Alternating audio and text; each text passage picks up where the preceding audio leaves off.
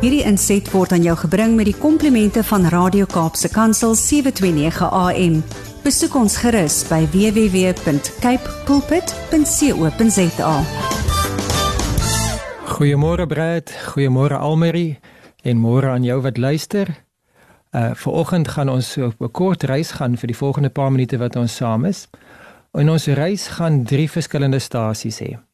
Ons eerste stasie noem ek menslik. My tweede stasie noem ek boom menslik en die derde stasie waar ek wil uitkom is bo menslik. Menslik, boom menslik en bo menslik. Nou kom ek verduidelik wat ek met hierdie stasies bedoel. As ek praat van menslik, dan uh, wil ek net sê dat ek ek verstaan tot 'n groot mate waar jy wat luister is vir oggend is. Toe ek op pad was um, om uh, myself reg te maak vir die dag, toe uh, kook ek vir my uh, water sodat ek 'n koppie tee kan hê en net net voor die ketel kookpunt bereik het. Toe uh, is dit nou weer load shedding, maar die tee warm of die water was warm genoeg geweest dat ek kon die sakkie daarom daarin trek maar dit is nie so lekker soos wanneer 'n ketel heeltemal gekook het nie. En natuurlik moes die res van die koppie tee toe nou in die duister gebeur. Gelukkig my selfoon se battery was gecharge geweest, daar was 'n liggie en ek kon ook toe nou my selfoon se radio app aansit en ek kon toe nog so 'n bietjie verder radio luister op pad hiernatoe. Maar dit is natuurlik nie lekker om so tussen load shedding deur te lewe nie. En ehm um, In die verlede sou my trip beteken het dat ek in my motor klim en na hiernatoe ry. Maar as gevolg van die onmenslike brandstofprys het ek die laaste 2 maande begin om meeste van die tyd fiets te ry. Ons maak aanpassings. Ons ons ons moet dinge doen om menslik net kop bo water te hou. En dan dan is daar nog al hierdie onsekerhede van gaan die oorlog in Oekraïne gaan dit nog weke of maande of selfs jare aanhou gaan dit so uitdroog en opvissel uitvissel dat dit later aan soet van 'n ou nuus word of gaan dit opvlam en uitbars en en nog meer eskaleer daar's daar's soveel menslike faktore. Daar's onsekerheid in ons land se politiek. Daar's onsekerheid in die wêreldpolitiek. Daar's onsekerheid op die wêreld se markte. Die aandelebeurs is is wisselvallig. Die weer is onvoorspelbaar. Of dit reën glad nie of dit reën te veel. Of um, die um, werk is te veel en jy kan nie byhou nie, die deadlines kom te gou of daar's net mooi niks werk nie. Daar is net soveel menslike faktore. Maar soms dan moet jy net so eentjie 'n trekkie wegstaan van jou eie lewe en net so weer bietjie alles in die oë neem en net weer 'n bietjie perspektief kry. En daarom wil ek hê dat ek en jy by ons tweede stasie moet stop. Boom menslik. Uh humanity sal seker 'n Engelse weergawe daarvan wees. Boom menslik. Nou, as 'n mens sou dink aan 'n mooi groot eikeboom, Stellenbosch is vol daarvan. Ek wil nie sê vervuil nie want 'n eikeboom is definitief nie vuil is nie, maar die Stellenbosch is vol van eikebome. En daardie uh, eikeboom dra akkers en my jongste twee seuns was veral toe hulle jonger was vreeslik lief om daai akkers te gebruik as mesiele om mekaar as teikens te, te sien en dan mekaar te gooi. En so akker as hy jou tref, hy maak bitter seer. En daai seuns van my is goeie skuts. Hulle en hulle gooi, hulle gooi om om raak te gooi en hulle gooi om seer te gooi. En ek het 'n paar blou kolle in my lewe al opgedoen as gevolg van akkers wat my getref het. Maar as jy nou nie daai akker sou rondgooi nie, maar jy sal hom laat ontkiem soos wat my jongste twee seuns ook toe nou al hoe meer begin doen het. Hulle het opgehou om dit te gooi en hulle het begin om dit te ontkiem. Dan is daar die wonder van die natuur. En baie van ons het op laerskool het ons ook die eksperiment met die boontjies gedoen waar die vrugbeginsel oopbreek en daar is dan nou 'n stang stingeltjie wat uitkom. Die een stingeltjie begin is die begin van 'n wortel en die ander stingeltjie is dan die begin van die steel wat dan later blare uitstoot. En as ek nou my herinneringe terugvat na jare gelede toe ek op hoërskool biologie gehad het. Toe het uh, mevrou Erlang vir ons geleer dat 'n stingel is positief fototropies.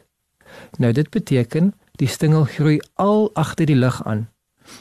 Hy groei na die ligbron toe.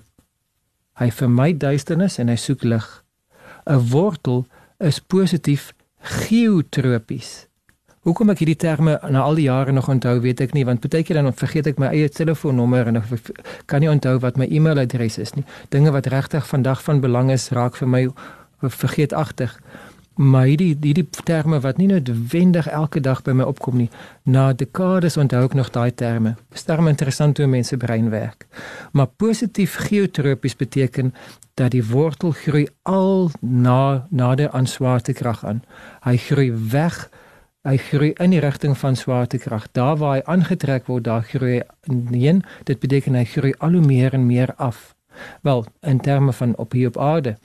Maar daar die enkele sade wat al ontkiem is uh, in die ruimte in die in die internasionale ruimtestasie uh, het toe nou 'n bietjie van 'n probleem gehad want positief geotropies beteken hulle hulle weet nie wat ek kan doen om te groei nie want die swaartekrag is is kunsmatig daar en hulle het wonderlike eksperimente gedoen. NASA se ingenieurs en hulle hulle eh, biotegnikuste het wonderlike eksperimente gedoen wat doen 'n saadjie as hy ontkiem sonder swaartekrag.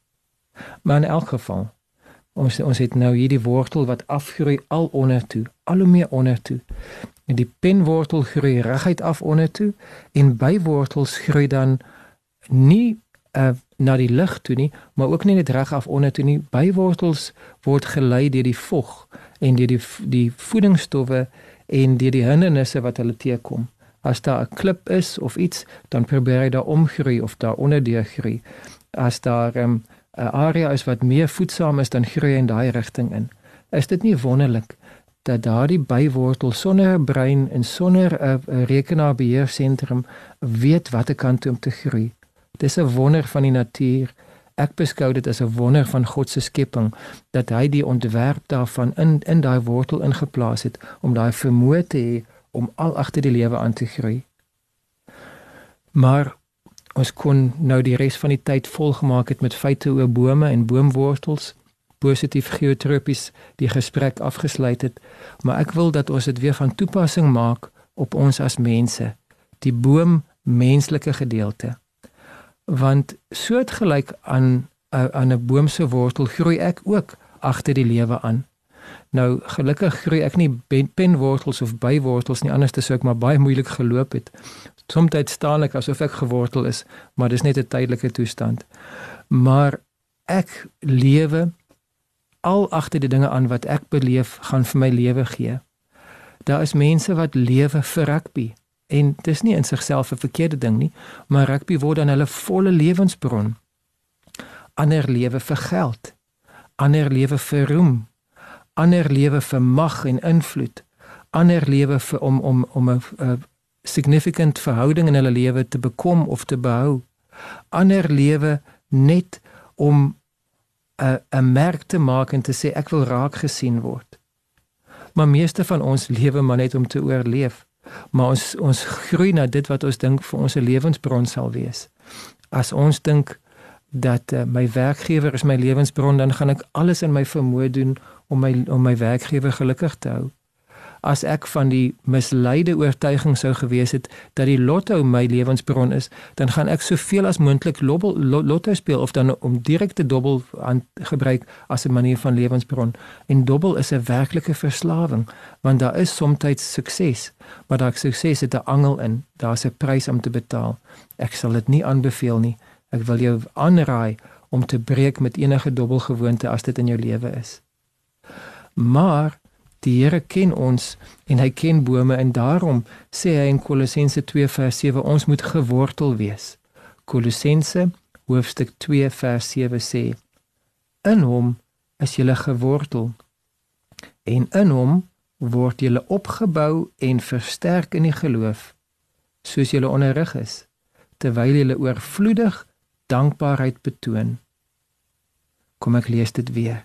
Kolossense 2 vers 7 In hom, dit is Jesus, is jy gewortel en in hom word jy opgebou en versterk. In Jesus is ons gewortel. As ek as 'n gelowige Jesus regtig my lewensbron maak, dan moet my wortels al hoe meer en meer agter Jesus aangroei. My werkgewer is belangrik, my vermaak en my ontspanning en en en dit wat vir my uh plesier gee is belangrik, maar my primêre wortelstelsel, my primêre bron van lewe moet in Jesus gewortel wees. Moet na hom toe groei, moet meer en meer na hom toe gaan. En net soos wat daardie bywortels kan reageer op 'n kleinste moontlikheid van vog en die kleinste moontlikheid van voedingsstowwe en hulle weet hulle moet dan nader na daai vog toe groei. Hulle moet hulle self daai kant toe stoot om meer van daai vog te kan bereik sodat hulle dit ten volle kan absorbeer. Net so kan my wortels ook agterkom.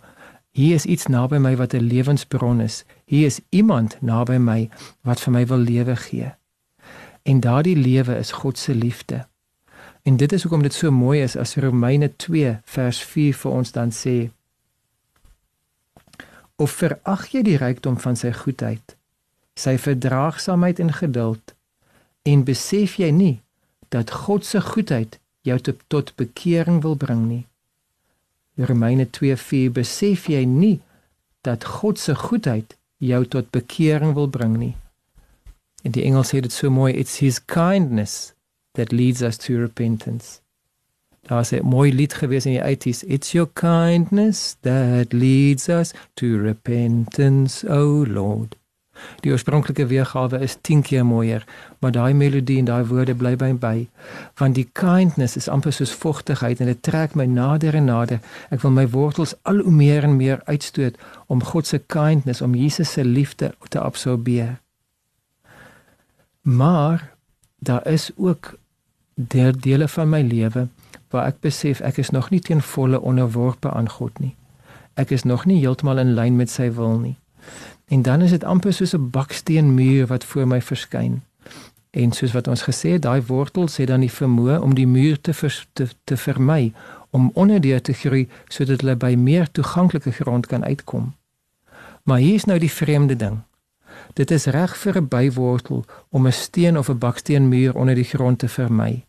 Maar dit is nie reg vir my as Christen om God se liefde net te probeer soek in die maklike, in die mooi, in die toeganklike nie. God se liefde het ook 'n harde kant, 'n reguit kant. It's the kindness and severity of God's love. Romeine 11:22. The kindness and severity of God's love. Kom ek lees dit vir ons in die Afrikaans. In Romeine 11 vers 22. So is nie load shedding in die ateljee moet ek net in die donker te sien wat sê Romeine 11 vers 22. Daar staan vind ek hom nou. sien daarom goed God se goedheid sowel as sy strengheid raak.